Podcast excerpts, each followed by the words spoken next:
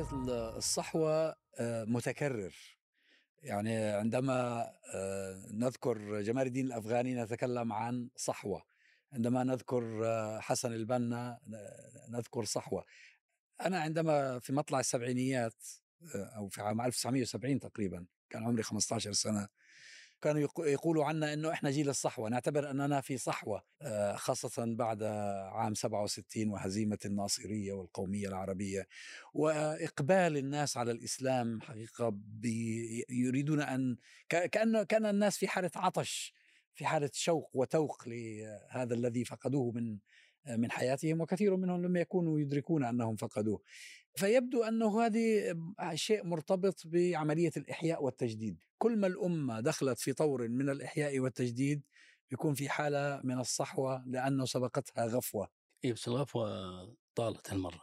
غفوة من من أي من نهايات العهد العثماني 200 سنة العثمانيه يعني حتى الدولة العثمانية شاخت جدا يعني وتنازلت عن كثير من الالتزامات الإسلامية. لولا الفترة اللي مسكها عبد الحميد شوي حاول يجدد. وإلا يعني هي ربما انتهت في القرن التاسع عشر. آه بعدين جاء الاستعمار وزاد الطين بلة يعني. آه بس في القرن الثامن عشر كان في حركات إحياء. لا حركات الإحياء أكيد. بالنسبة للمناطق التي كانت التي نشطت فيها كانت تلك صحوة بالنسبة لهم. طبعا طبعا. يعني عندك عندك الوهابيه عندك السنوسيه عندك شو يسمونه عثمان بن فودي في غرب أفريقيا عندك المهدية في الدهلوي في الهند. الدهلوي في الهند. لا لا شوف الإحياء مستمر. ظاهرة الصحوة ظاهرة يمكن لاننا قريبين عهد فيها صارت تشد انتباهنا أكثر. لكن أنا أعتقد إنها أكثر شمولية أكثر شمولية لأنها كان هناك وعي ديني ووعي شرعي ووعي بقضايا لها علاقة بذلك الوقت في كل مكان. لكنه ظاهرة شاملة تجتاح أكثر من دولة أكثر من منطقة. وتتناول قضايا كل القضايا الإسلامية قضايا العبادية والعادات والتقاليد والحكم وال والعلاقات السياسية هذه أعتقد إنها شوي تتميز بها الصحوة الحديثة اللي مثل ما قلت أنت بدأت في السبعينات أو أو بدأ صارت واضحة في السبعينات هي جذورها من من ذيك الحركات من السنوسيه والوهابية وغيرها. آه آه وتحركت في الستينات لما صار في تحدي شيوعي وبعثي وقومي ووطني إلى آخره. آه وصلت إلى ذروتها في نهاية السبعينات بداية الثمانينات.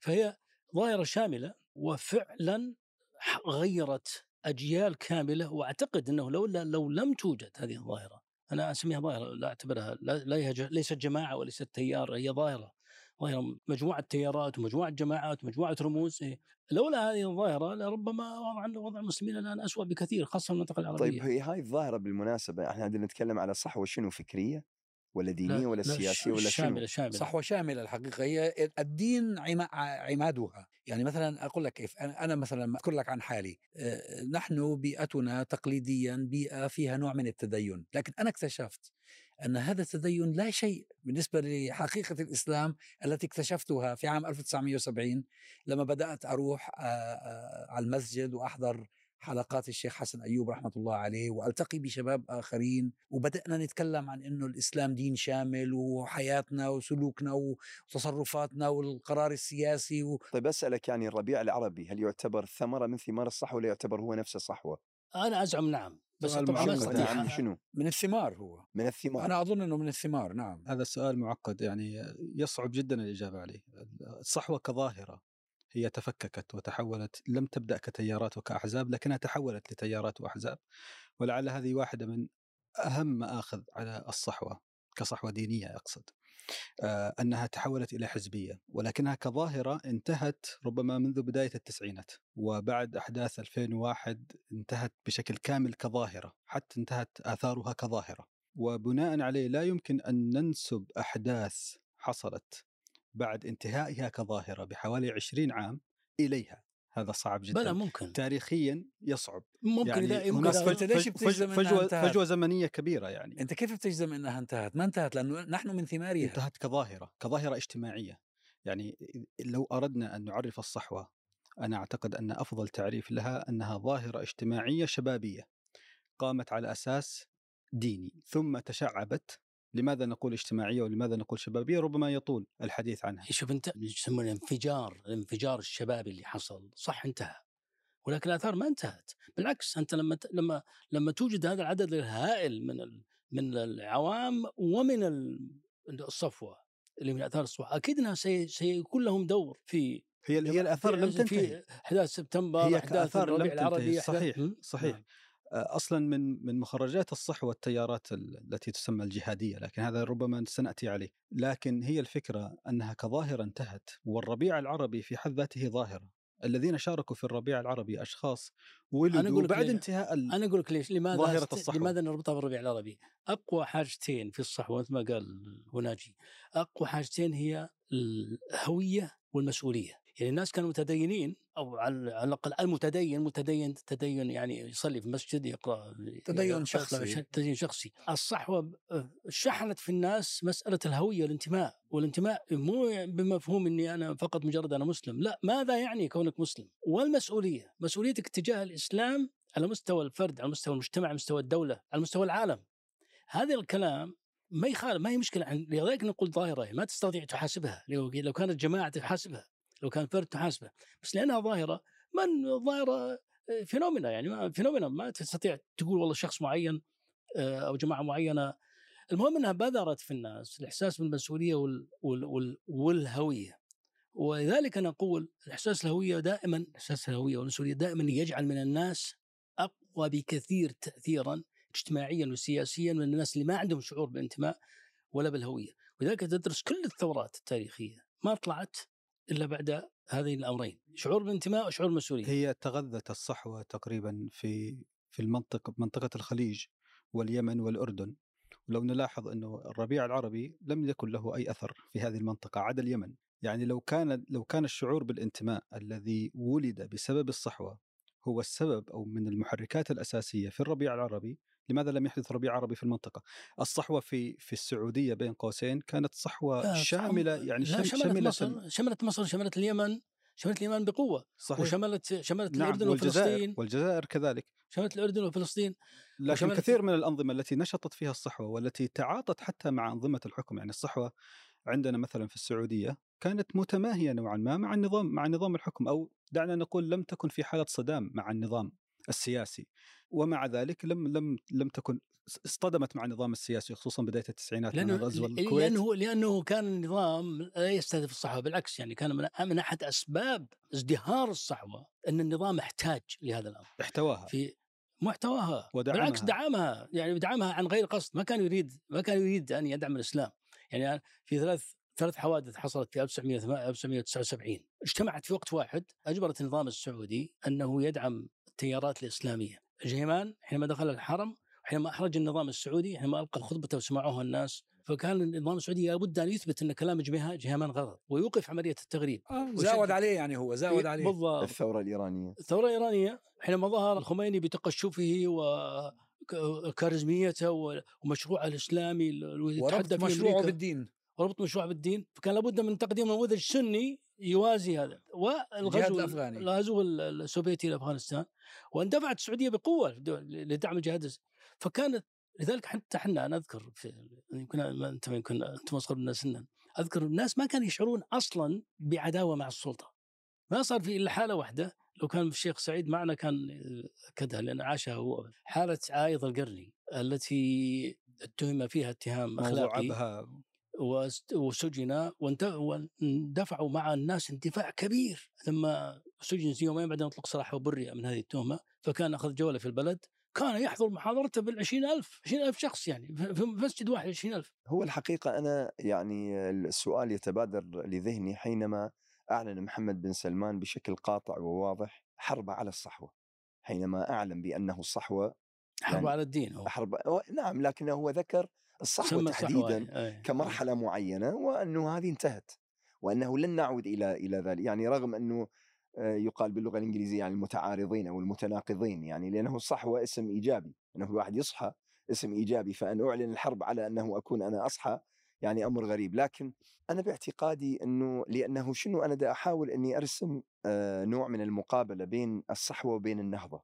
يبدو لي بأنه الصحوة أمر قد يتكرر كل كم فترة يعني معقولة. بينما النهضة عملية النهضة الحقيقة يحتاج ربما إلى عقود بين النهضة والأخرى وربما أحيانا أكثر أحيانا قرون. فهل يعني أنا السؤال الذي يرد عندي أنه هذه الصحوة التي ربما مبناها فكري وربما مب- مبناها سلوكي وربما مبناها سياسي يعني ك- كحالة الربيع العربي هذه مظهر من مظاهر الصحوة. هل هذه بمجملها لما نقول أنه مثلا بعد أو ال 67 ثم بعد المش عارف إيش ثم هذه صحوات. آه، ثم العصر الحديث ربما حصل مثلا مع الربيع العربي. هل إحنا بحاجة إلى عدد من الصحوات حتى نصل إلى مشروع النهضة؟ بس يعني شوف أنت ما تنساش أنت إنه هاي المصطلحات مصطلح صحوة مصطلح نهضة هذه الناس تستخدم هذه المفردات اصطلاحا. لوصف حالة. حالة معينة. تمام. يعني هو في حالة حصلت حالة حالة تغير. يعني أنا أنا ما زلت أذكر وكأني أعيش تلك اللحظات الآن بالضبط إنه إحنا كما لو كنا ميتين. يعني لما أنا بدأت أجيب للبيت بعض أفكار أتعلمها في المسجد عن الإسلام أهلي كانوا يستهجنوا. يعني إيش الكلام هذا؟ طب ما إحنا هذا طب ما إحنا مسلمين بس ما بنعرفش هذا الكلام. يعني معنى آخر كان في فجوة في حياتنا في جاب كبيرة صارت في حياتنا بين الإسلام الحقيقي وبين ما نظن أنه إسلام وعايشين عليه طبعا هذه أفرزت فيما بعد تحركات على مستويات متعددة ظلت آثارها موجودة إلى أن تفجر الربيع العربي، أنا أعتقد أن الربيع العربي ليس بمعزل عن ذلك، ليش؟ لأنه أنت ما الذي خلق حالة الوعي لدى عامة المواطنين في هذه المنطقة؟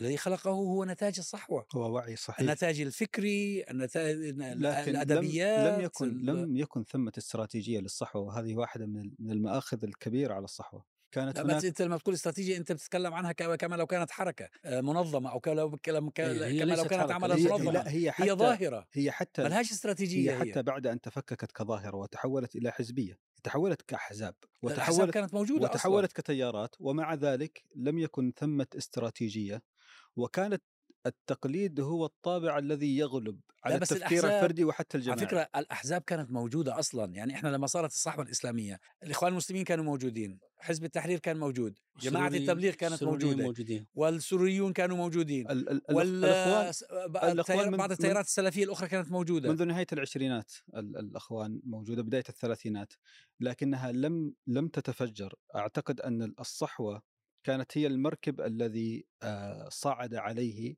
أو صعدت عليه آه، فكر الإخوان وجماعة الإخوان. آه، بمعنى أن الإخوان لم تتفجر كظاهرة في الوطن العربي إلا بسبب الصحوة. خصوصا خصوصا هذه واحدة ربما من من النقاط الهامة التي شكلت الصحوة أنا أعتقد وفاة عبد الناصر. لا بس ثم هذا ثم ظهور أنور السادات ووصفه المعلومة- كرئيس مؤمن. عفوا يعني عفوا عن المقاطعة بس هاي المعلومة برضه بحاجة إلى مراجعة لأنه مش صحيح إنه آه، حركة الإخوان المسلمين لم تتجلى كحركة شعبية في العالم العربي. حصل في 48 معظم المتطوعين الذين قاتلوا في فلسطين كانوا من الحركة الإسلامية من الإخوان المسلمين. وجاءوا من مختلف أقطار لا لا العالم العربي. الاخوان انتشروا انتشروا قبل الصحوه انتشروا بس- وأسسوا شعب يعني صح يعني حركة الإخوان بدأت في الإسماعيلية. خلال سنوات قليلة انتشرت في كل القطر المصري.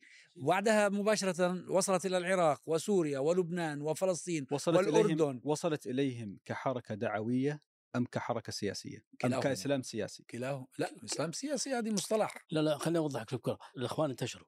انتشروا في كل في, في اليمن وفي الأردن وفي العراق ولكن كانوا أقرب إلى الحزبية يعني كانوا أقرب إلى جماعة يعني مغلقة كأنها معزولة عن المجتمع. الصحوة آه، ظاهره عامة يعني دخلها الاخواني وغير الاخواني فالإخوان ساهموا سواء بعوامهم يعني أفرادهم العاديين أو بمفكريهم المحسوبين عليهم.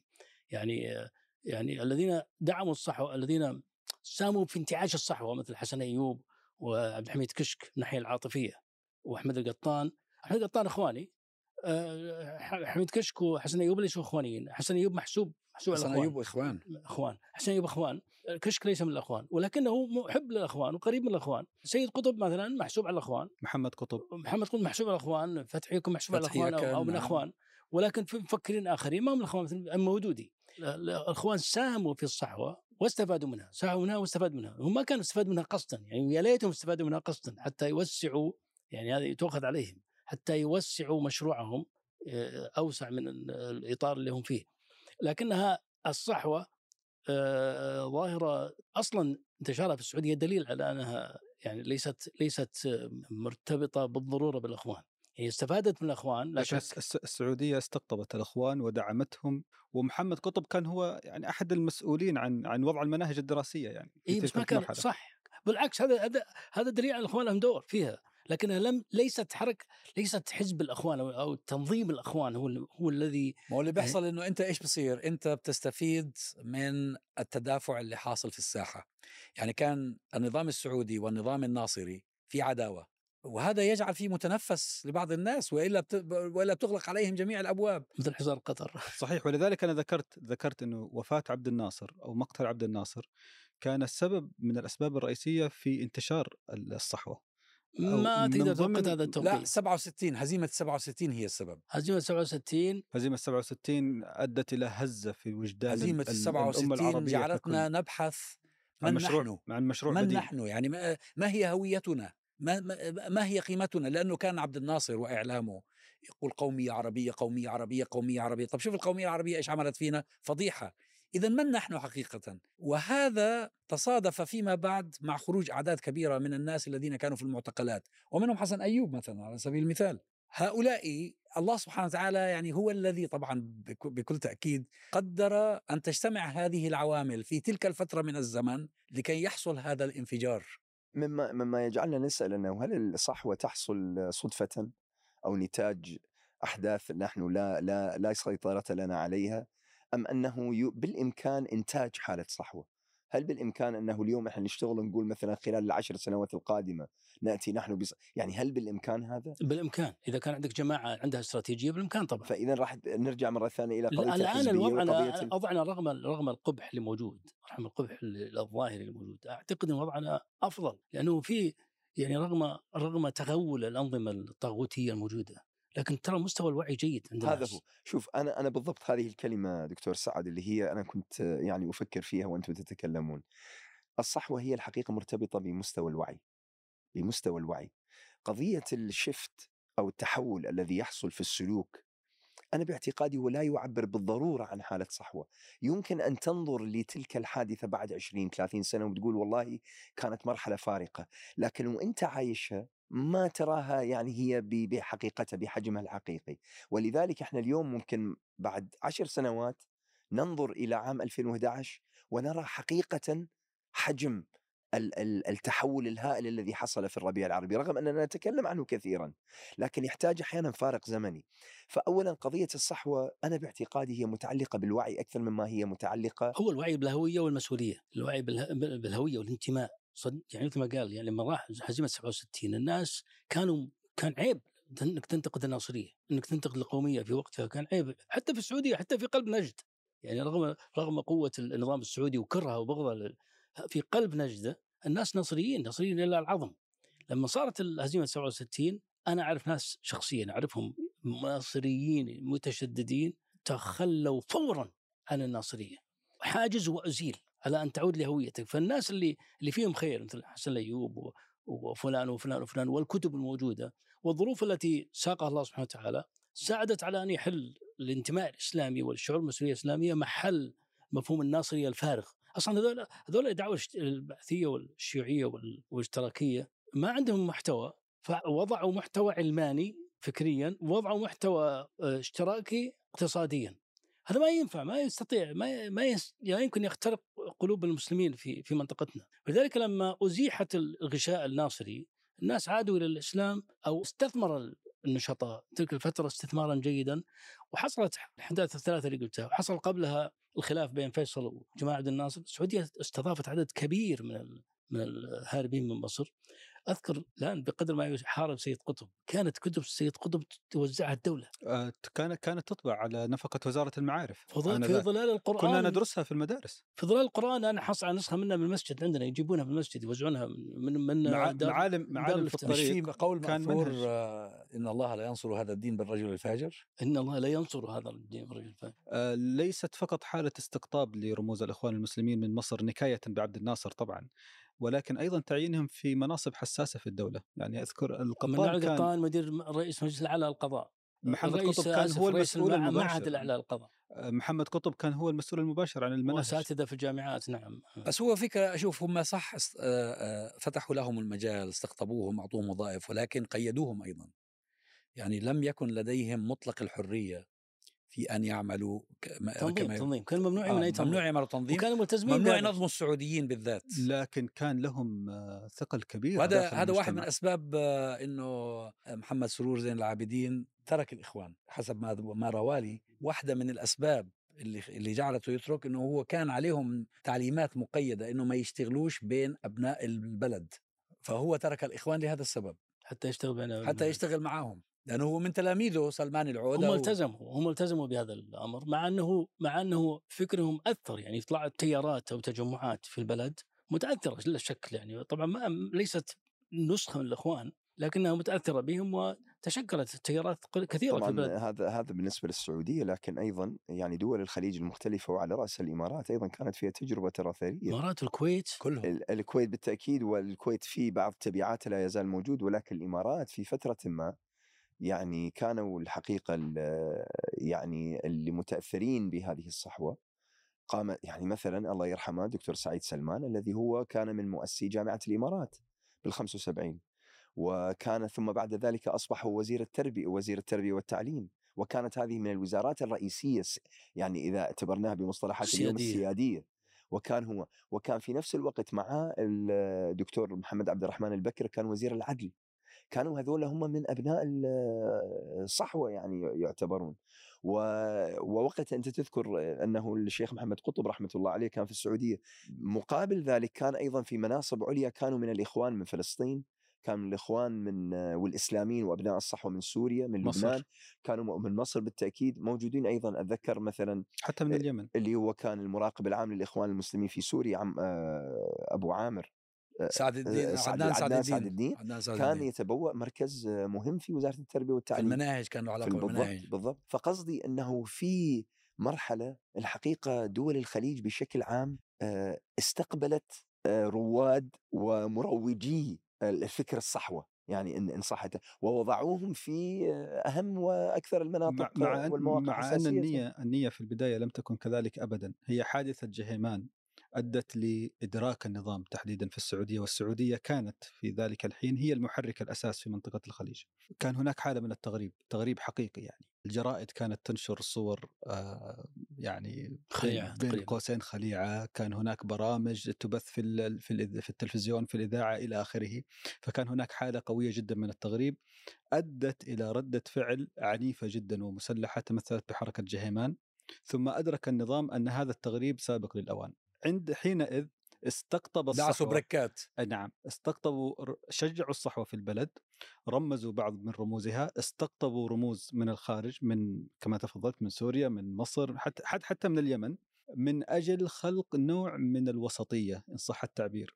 نحن لا نريد تغريب يؤدي إلى حركات آه، إرهابية وإنما نريد حركة إسلامية متوسطة نستطيع بطريقة ما أن نسيطر عليها ونجحوا في ذلك إلى حد كبير. أنا أعتقد أن الصحوة تحديدا في السعودية كانت متماهية مع النظام. أيوه في مؤسسات حتى اشتغلت في هذا الأمر الندوة العالمية للشباب رابطة العالم الإسلامي يعني هذه كانوا قائمين عليها ناس بالخليج من رجال بالخليج الصحوة. بالخليج في الإمارات وفي الكويت كانت جمعية الإصلاح كانت حركه كانت جمعية من منظمة مجتمع مدني محركة.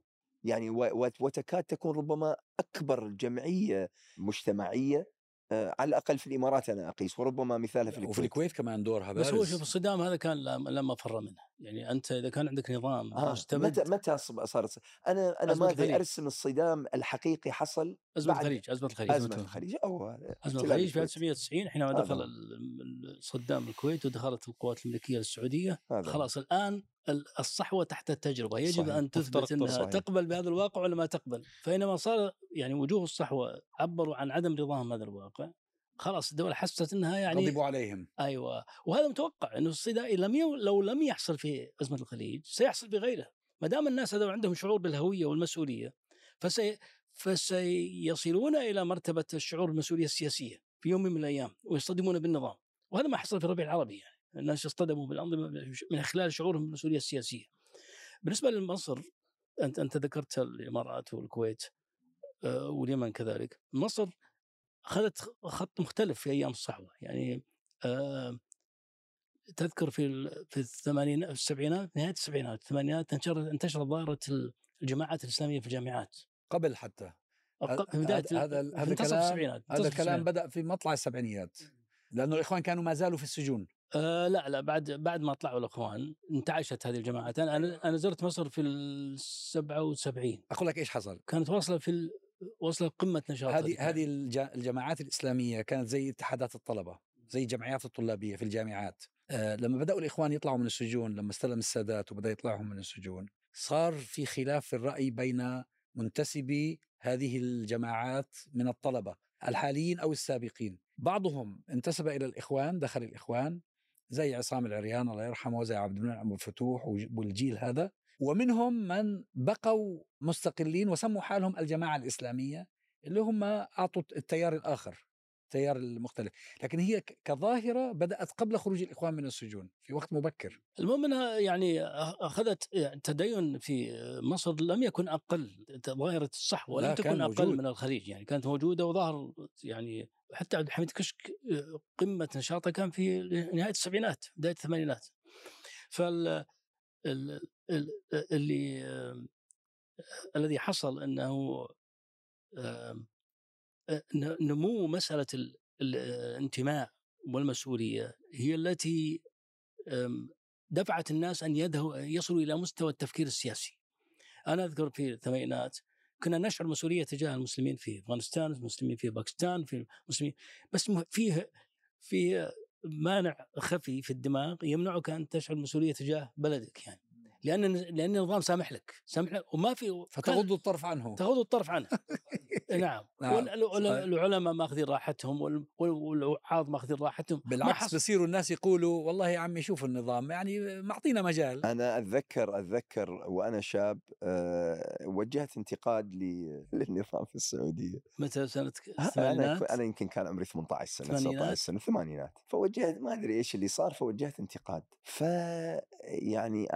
يعني من الإخوان عتبوا علي عتاب شديد وقالوا لي أنت بعدك صغير وكذا والحمد لله السعودية تسمح للجهاد وتسمح للمدري شنو تسمح أنت شلك بهالشغلة هذه ما كف الط... اتكلم على كل العام بس لا تتكلم بس بالعودة للسؤال اللي أنت طرحته أنس إنه ما الذي يحدث هذه الظاهرة؟ أنا أظن أن هذه الظاهرة في مجموعة من العوامل تساعد على تشكلها ولكنها تحدث بإرادة الله اولا وأخيرا.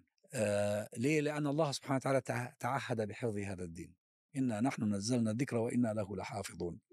وحديث النبي صلى الله عليه وسلم. أي نعم يعني إنه كل ما كل ما فئة من المسلمين تتراخى تتكاسل تتخلى تأتي فئة من بعدها تمكن بإرادة الله بمجموعة من العوامل التي الله سبحانه وتعالى هو الذي يفسح آه، لها المجال. وقد يكون منها هذا التدافع بين قوى شر شر هنا وشر هنا لكن تدافعهم يفسح مجال لأهل الخير أن أن يتمكنوا من عمل شيء. آه، اليوم آه، حالة القمع السياسي الرهيب التي يعيشها العالم العربي في كل الدول العربية خصوصا بعد تجربة آه، يمكن أن نسميها بالتجربة الفاشلة ونحن يعني على ثقة بذلك خصوصا في الحالة المصرية. عودة القمع السياسي بعد ما حدث في 2011 يؤدي إلى حالة من الإحباط. حالة الإحباط هذه تؤدي إلى فكر جمعي يتمثل في ما هو البديل ماذا سنفعل الآن؟ هنا يأتي دور الإسلام كمنقذ. فقد تكون ثمة علاقة بين ما نسميه بالصحوة الإسلامية وبين القمع السياسي. كلما كان هناك قمع سياسي أكبر كلما كانت بذرة الصحوة قابلة أكثر للنمو. هو مثل ما قال توينبي التحدي يأتي بالاستجابة. يعني أنا أذكر أذكر كلام قال لي أحد الأخوة في, في, في نهاية الثمانينات. كنت أستغرب ليش الناس ما عندهم هذا الحس حس المسؤولية السياسية تجاه النظام. بداية التسعينات بداية التسعينات بعد ما ظهر الفساد يعني. فقال لي ما في تحدي. ما في تحدي. يجب أن يستفز الناس في دينهم في عقيدتهم في عبادتهم في انتمائهم. وأنا دائما أذكر بالنموذج المصري يقولون في مصر في شارع الهرم الناس في مظهر أسوأ مظاهر الفساد خمر ورقص إلى آخره. لما يكون واحد ويسب النبي صلى الله عليه وسلم يقول لو صرت حد النبي ده أنا بقى مسلم بقى ها وهو في قمة السكر يعني؟ فالانسان لما تستفز في دينه تذكره أنه مسلم يعني تستفزه في عبادته يذكره أنه له ذلك هل ما هل- يحدث هل- اليوم هو استفزاز؟ ممكن أن يعني لازم تكون الصحوة على مستوى الأمة كلها ولا يمكن أن تكون محلية؟ لا مو لازم كل كل كل النهضات اللي صارت في التاريخ الإسلامي عودة عبارة النهضة حصلت في بؤر معينة وثم انتشرت. يعني. بس هي سريعة الانتشار يعني هي سريعة الانتشار. يعني حتى حتى في الأزمنة اللي اللي ما كانش فيها وسائل تواصل سريعة وكذا آه، يعني مثلا خذ أنت حركة آه، فودي في نيجر ونيجيريا. هذه خلال سنوات قليلة شملت كل غرب أفريقيا تقريبا والسودان وهذه الصحوات تجد لها من ينقلها أو من ينقل آه، مظاهرها. من من من مكان إلى آخر. يعني حركة محمد بن عبد الوهاب في جزيرة العرب. وصلت إلى الهند وإلى انتشرت في ليه؟ لأنه أن- الناس تريد شيئا تتعلق به تريد مشروع بديل. حياتها تريد مشروع بديل. تريد مشروعا بديلا لما يبدو لها أنه ركود آسن. تريد أن تخرج من هذا ال- ال- الوضع الذي يعني تشكو إحنا لما نجي نتكلم على آخر خلينا نقول مرحلة صحوة الجميع إلى حد ما متفق عليها من ضمنهم محمد بن سلمان اللي هي مرحلة السبعينات والثمانينات التي زخرت فيها المكتبة الإسلامية بالكتابات من الكت... الكتيبات الصغيرة وانتهاء بالمجلدات الكبيرة على يد ممن نعرف وممن توفاهم الله سبحانه وتعالى رحمة الله عليهم الذين كانوا يتكلمون في مختلف مناحي الحياة الفكرية، المجتمعية، السياسية، الإعلامية، العلاقات ومن من يعني ذكرتم مثلا آه، الأستاذ فتحي يكن رحمة الله عليه، ذكرتم محمد قطب، ذكرتم المودودي، ذكرتم وهلم جرى من من الشخصيات التي يعني آه، أثارت آه، مسائل كانت هي مهددة في حياة المجتمعات لكن أكثرها كانت المجتمعات العربية أكثر مما كانت. يعني لم يتكلم مثلا هل فتره الصحوة سمعنا كثيرا عن الذي كان يتهدد المجتمع الماليزي؟ عن الذي كان يتهدد المجتمع الإندونيسي مثلا؟ لكن لكن الهند وباكستان كان فيه. الهند وباكستان كان فيه وكان في كان في توازي. يعني المودودي طلع يعني واثره طلع في وقت مشابه. والندوي كذلك. والندوي أبو كذلك. الندوي عليه وكان في تناغم. يعني حتى المودودي مثلا ترجمت كتبه معظمها وأثرت في الفكر ال- أثرت فينا إحنا في, في أجيالنا. وكتب سيد قطب ترجمت وحسن البنا وغيره ترجمت إلى الأردو وترجمت الإنجليزي فأثرت في القارة الهندية. يمكن ماليزيا أنت حتى كان- اعرف حتى ماليزيا. كا- كان في يعني إرهاصات برضو. يعني مثلا في إندونيسيا حركة ماشومي إحنا كنا نذكرها يعني في اللي يقولوا لنا عنها أساتذتنا اللي يدرسونا في السبعينيات موازي للإخوان إنه من حركات النهضة وال- هذه بأي فترة كانت هذه؟ في مشومي في الستينيات آه، كانت في مواجهة المد الشيوعي في منطقة آه، أندونيسيا وهي أثرت على ماليزيا. لكن طبعا شوف حقيقة أقوى فكر تمكن من التغلغل والانتشار هو فكر الإخوان المسلمين. لأنه فيه هو بيتميز بمجموعة من المواصفات تخليه سهل وسلس ووسطي وشامل أيضا في في نفس الوقت. فوصل إلى ماليزيا وأندونيسيا والهند وأوروبا وشمال, وشمال أمريكا يعني ما ضلش مكان إلا وصلوا حتى التيارات حتى التيار الس- السروري اللي هو يعتبر له له خصوصيته متأثر هو بال- أصلا متأثر ب- بفكر الإخوان المسلمين. هو اللي اللي أعطى أعطى بونص فكري للإخوان هو سيد قطب. سيد قطب اللي من حينما طرق طرق بقوة بقوة يعني شيء موضوع الهوية والانتماء والمسؤولية وموضوع ال ال ال ال الاستعلاء موضوع ال- العالمية الإسلام وأنه يعني هي طبعا مطروحة هي في الأصل لكنه أعاد صياغتها بطريقة مؤثرة تربوية. وبطريقة عالجت مشاكل آنية. بالضبط. وأجابت على تساؤلات قائمة. كمان تكلم هو عن عزة المسلم اللي إحنا كنا نشعر بالفقد لها. يعني إحنا المسلمين الله أكرمنا بهذا الدين. ونشعر باننا مهزومون باننا يعني متخلفون. مش معقول هذا الكلام. فأين هي عزة المسلم؟ ابو آه، تعرف أبو ناجي أنا أنا طبعا ما شهدت هذه ال- الفترة فترة سيد رحمة الله عليه لكن أذكر التقيت بأحد أصدقاء الوالد بعد سنوات طويلة يذكر هذه الفترة.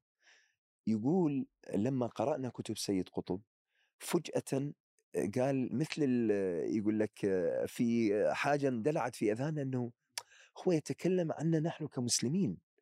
يعني وأنا مسلم أواجه هذه التحديات. أنا مسلم أنا مش فلسطيني أنا مش أردني أنا مش مصري ولع أنا كشاف. مسلم أواجه هذه قال فجأة اندلعت عندنا فكرة جديدة تماما وهي قضية أنه مثل ما تفضلت الهوية والانتماء لهذه أمة الإسلام ومواجهة هذه التحديات كلها. والرد على التساؤلات من خلال هويتي أنا الإسلامية. إي نعم ما تجامل ولا حلول آه، يستخدم التعبير هذا لا أنصاف حلول وما إيش يستخدمها كثيرا. وكذلك آه، شدد على قضية المرجعيه المرجعيه هي الكتاب والسنة. ومو بكيفك يعني أنت ملزم وما ينتهي عنك تع- تعريف الإسلام إن لم تلتزم التزاما كاملا بمرجعية الكتاب والسنة. وقال إنه ما نقدر نستطيع نقول والله هذا كلام نظري لأن يقول عندك نموذج فردي اللي هو محمد عليه الصلاة والسلام وعندك نموذج جماعي اللي سماه جيل قرآني فريد اللي هو جيل الصحابة. فما تستطيع تقول إن هذا الكلام غير غير واقعي لأنه عندك نموذج حقيقي طبقه على الأرض روح قلده قلده كفرد وكمجتمع. هو ال- الحديث عن سيد قطب ربما يأخذنا للحديث عن الرموز ورموز الصحوة. وأعتقد أنه يجب علينا أن نفرق في رموز الصحوة بين الرموز المؤثرة التي أخذت منحى فكري وبين الرموز كانت تغلب عليها طابع الحماسة العاطفية أو, وال- أو, أو رموز عاطفية إن صح التعبير. من هذا المنطلق أريد أن أتحدث عن واحدة من أهم المآخذ على ظاهرة الصحوة وهي ترميز آه، الشباب الصغار في السن. استعجال في الترميز. نعم آه، ليس لديهم علم شرعي ولكن لديهم خطاب قوي جدا. هذا الخطاب القوي خطاب حماسي خطاب عاطفي جعل الصحوة ترمز شباب صغار في العشرينات وفي منتصف العشرينات. ليس لديهم علم شرعي وليس لديهم فكر وليس لديهم بعد نظر. والله حافظ له كم قصيدة ولديه لغة جذابة ولغة فصيحة جيدة وتم ترميزهم. فيما بعد بعد انتهاء الظاهرة هذه ظاهرة الصحوة واختفاء ظاهرة الصحوة أثبت أو أثبت للناس وللمجتمع أن الصحوة خطأت خطأ فادحا. عندما رمزت أشخاص لا أريد أن أذكر أسماء لكن معروفين للمجتمع. لا يستحقون الترميز. لا بس في ناس علماء في ناس علماء حقيقيين. وهناك وهناك. العكس وهناك العكس لأن الاختبار أثبت أنهم لا يستحقون هذا الترميز يعني. هي مش هي اللي رمزتهم هم هذول في فراغ موجود. هم ملأوا الفراغ. يعني هو هذا اللي بيحصل ال- الذي لديه موهبة الخطابة وحفظ الشعر وحفظ النصوص وطريقة وما في تحدي. لكن تم لكن تم الاحتفاء بهم. تم الاحتفاء بهم الناس اللي احتفوا بهم ال- الناس نعم ولكن أيضا رموز الصحوة بس الفكرية أعطيك مثال عايد الرموز. الفكرية القرني اختفت كيف تستطيع تعرف لولا لولا جت تحدي والدولة صارت يعني تختبر الناس كيف تعرف الفرق بينه وبين فلان من العلماء الثابتين عايد القرني مثلا لن يلبثوا الأسماء. يسقطوا يعني نعم سعيد بن مسفر اي بس ما تستطيع. أنت في ال- عهد الصحوة. أنا أذكر أذكر عهد القرني كان سند يعني البريك البريك مثلا. لا ترى علماء هذول عاد قرني عالم عالم يعني ما يعني عالم حافظ عارف لكنه لم يختبر. جاءت جاء الاختبار بينما شيء شخصيات آخرين اختبروا وثبتوا ودخلوا السجون. هاي طبيعة الحياة على فكرة. يعني هو يعني أنت ممكن كلامك يكون صحيح لو أنه في جهة معينة جت وقالت هذا بدنا نعمل منه رمز. بس هو اللي بيحصل؟ أنه هو عنده مواهب وبيجي ظرف معين في فراغ هو يملأ هذا الفراغ ثم إذا ما صح ما حصل ابتلاء وانكشاف ينكشف. هذه في حد ذاتها بالمناسبة أحد السلبيات التي أنتجتها الصحوة. لا توجد جهة معينة. نعم هي ظاهرة لا يجب أن يكون لها قيادة أو مرجعية ولكن غياب الإدارة أدى لضياع مواهب الشعوب مواهب ترى. كبيرة جدا هذه طبيعة الشباب الحركة الحركة على الحركة الاجتماعية. البعض ضحى ودخلوا للسجون ولم لم يجدوا أحد يدافع عنهم يعني. لا لا هذا فشل الجماعات ليس فشل الصحوة، الجماعات صح كلامك، الجماعة إذا أردت أن تحمل الجماعات كبيرة لها عندها حجم كادر ضخم وعندها شخصيات لم ترسم استراتيجية جم- كجماعات، ما رسمت استراتيجية تستعد فيها للمستقبل، لا هي التي صنعت الحدث ولا هي التي اعدت العدة للتعامل مع الحدث، ردة ردة الفعل تجاه الحدث، هذا صحيح. لكن آه، آه، إذا أخذنا الصحوة كظاهرة، ظاهره اجتماعية تاريخية ت- ما تستطيع تحمل الظاهرة نفس ما تحمله الجماعات، لكن الجماعات نعم تحمل المسؤولية، فعلا الجماعات كان لديها قدرة أن ترسم استراتيجية، أنا معظم الجماعات التي تكونت منها الصحوة، معظم الجماعات عندهم عقول في الإدارة وعندهم عقول في في فهم التاريخ وفي علم الاجتماع وعندهم عقول في الأمن. فاهمين الأمن؟ ولا بل مخترقين للدولة يعني يعرفون مو بس الدولة أكثر من الدولة ولهم علاقات في الخارج. فلديهم الإمكانات التي يصنعون بها استراتيجية آه، ليس فقط يستعدون للمستقبل لا بل هم يصنعون الحدث. ما الذي منعهم؟ عجز فشل. يعني كانوا كانوا يتحاشون آه، أن أن يعملوا بطريقة استراتيجية كانوا يكررون الماضي وبس.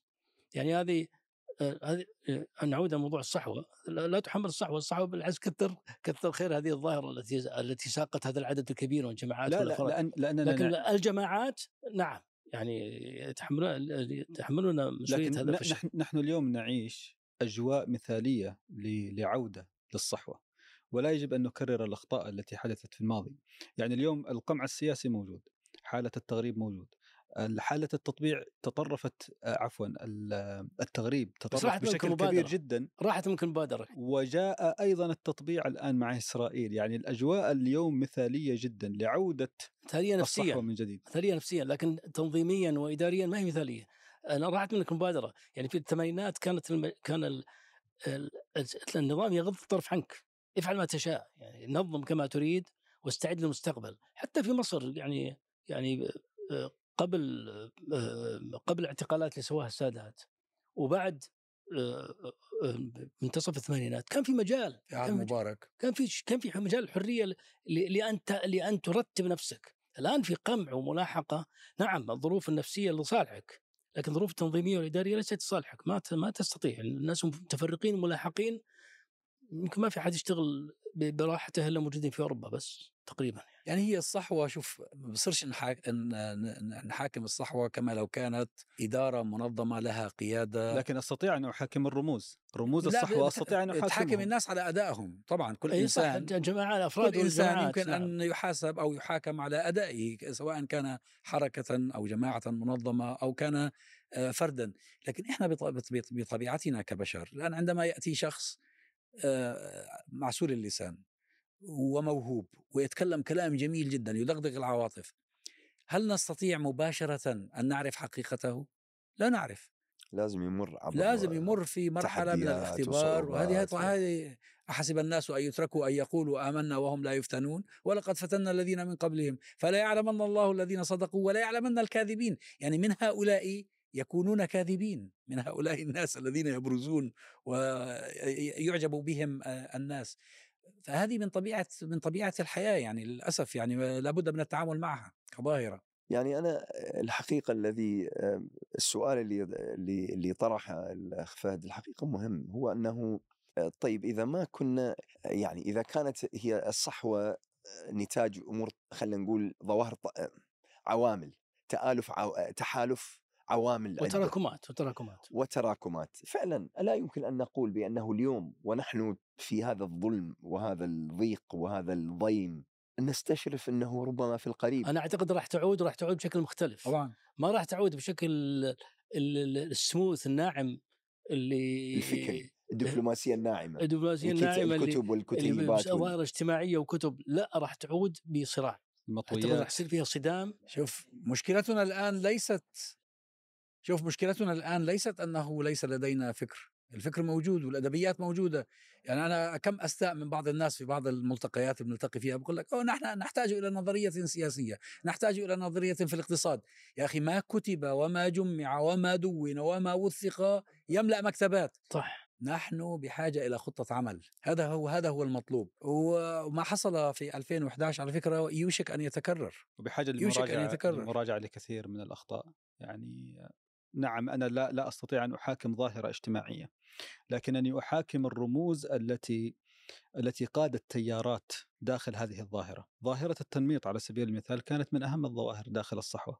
ظاهرة أنت غير ملتزم وأنا ملتزم، اذا أنت بشكل طبيعي وباسلوب في, في طبيعي ظاهرة إقصاء أنت نعم. أنت عدو خصم. أنت خصم بالضبط. لا يجب أن ننظر لشخص آه، حليق اللحية على سبيل المثال آه، حتى لو كان يعني لديه الحد الأدنى من من التدين أن ننظر إليه نظرة خصم بالعكس. اليوم التحديات التي يفرضها علينا واقعنا يفرض علينا أن نتعامل مع الليبرالي وأن نتعامل مع العلماني وأن نتعامل حتى مع الملحد ونستفيد من تجربة الدول. لا مو مو بالشكل هذا. أنت أنت أنت, أنت لا تس أنت لا تصنف الناس لا تصنف ولكن في الناس. نفس الوقت يبقى يبقى وضوح هويتك وانتمائك ما ما, ما يعني أنت إذا تتنازل عندك مشروع إذا إذا أنا قائم على مشروع لا يمكن أن أم- أمشي بهذا المشروع إلا بمن يتوافقون معي. يعني هي طبيعة هذا صحيح العمل. لكن لك لكن يعني الإقصاء فكيف بدي أجيب أنا واحد علماني لا ير... لا لا, يقبل فرق. بمرجعيتي لا لا واشتغل لا, معه. لا لا ثم لا أستطيع. لا ثمة فرق بين مستحيل بين يعني. يجب أن يكون هناك لو حدود بنصلح للتعاون. سيارة ممكن لو بنصلح سيارة حدود ممكن. للتعاون. لكن بدك تصلح مجتمع. إذا بدك تصلح مجتمع على بناء على أساس فكري وعقدي كيف بدك تشتغل مع ناس ضد عقيدتك؟ هو الإقصاء اللي تكلم عنه اللي اللي اللي اللي يؤخذ على الناس اللي كانوا أيام الصحوة وليس هذا. الإقصاء اللي تكلم عنه صحيح كان موجود وأنا شهدته أنا شهدته وكان مزعج الحقيقة. كان الإنسان اللي ما ي... اللي ما عليه مظاهر التدين هذا عدو خصم. يستبعد. ما هو علماني ولا شيء إنسان مصلي أصلا هذا ظلم هذا ظلم لا هذا مصلي ظلم وطيب وكريم وبالعكس لما جت اختبارات لما جت أيام يعني مواجهه مع السلطة تلقاها تلقاها أكثر صبر وأكثر تحمل. أو أنه حتى في وقت الفزعة تلقى أكثر فزعة من ال... واخلاقه الحقيقية الصدق والأمانة أكثر من هذا اللي عليه مظاهر التدين. هذا اللي يقصده هذا الإقصاء.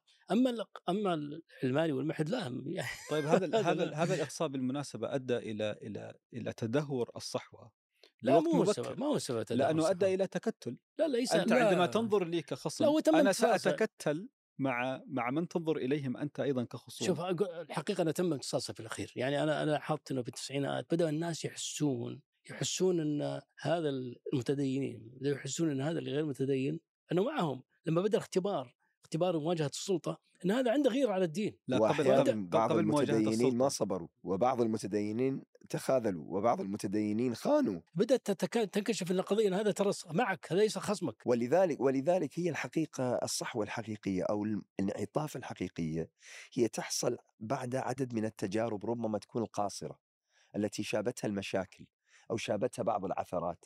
لأنه إحنا في كل مرة نقرأ نقول حصل هذا وكان ينبغي أن يحصل. فلعله الانعطاف الجديدة تكون خلاصة تكون يعني أنه استقاء للتجارب وللفوائد ولغيرها من السلبيات التي حصلت في ال- في السابق. خصوصا ونحن نعيش في مناخ مهيأ يعني حتى الظاهر الثاني الاقصاء الثاني اللي هو الحزبيه يعني تيارات يعني يعني في تيارات في نفس البلد عدة تيارات إسلامية من من- منظمة يعني ينظرون بنظرة حزبية لما جاءت أزمة الخليج خفت بشكل كبير لأنه حسوا إنهم كلهم كلهم أعداء يعني. الكل يعني مستهدف. الآن الآن أنا اقابل عدد كبير منهم يتكلمون بمحبة و- وتعاطف قوي مع التيارات الأخرى.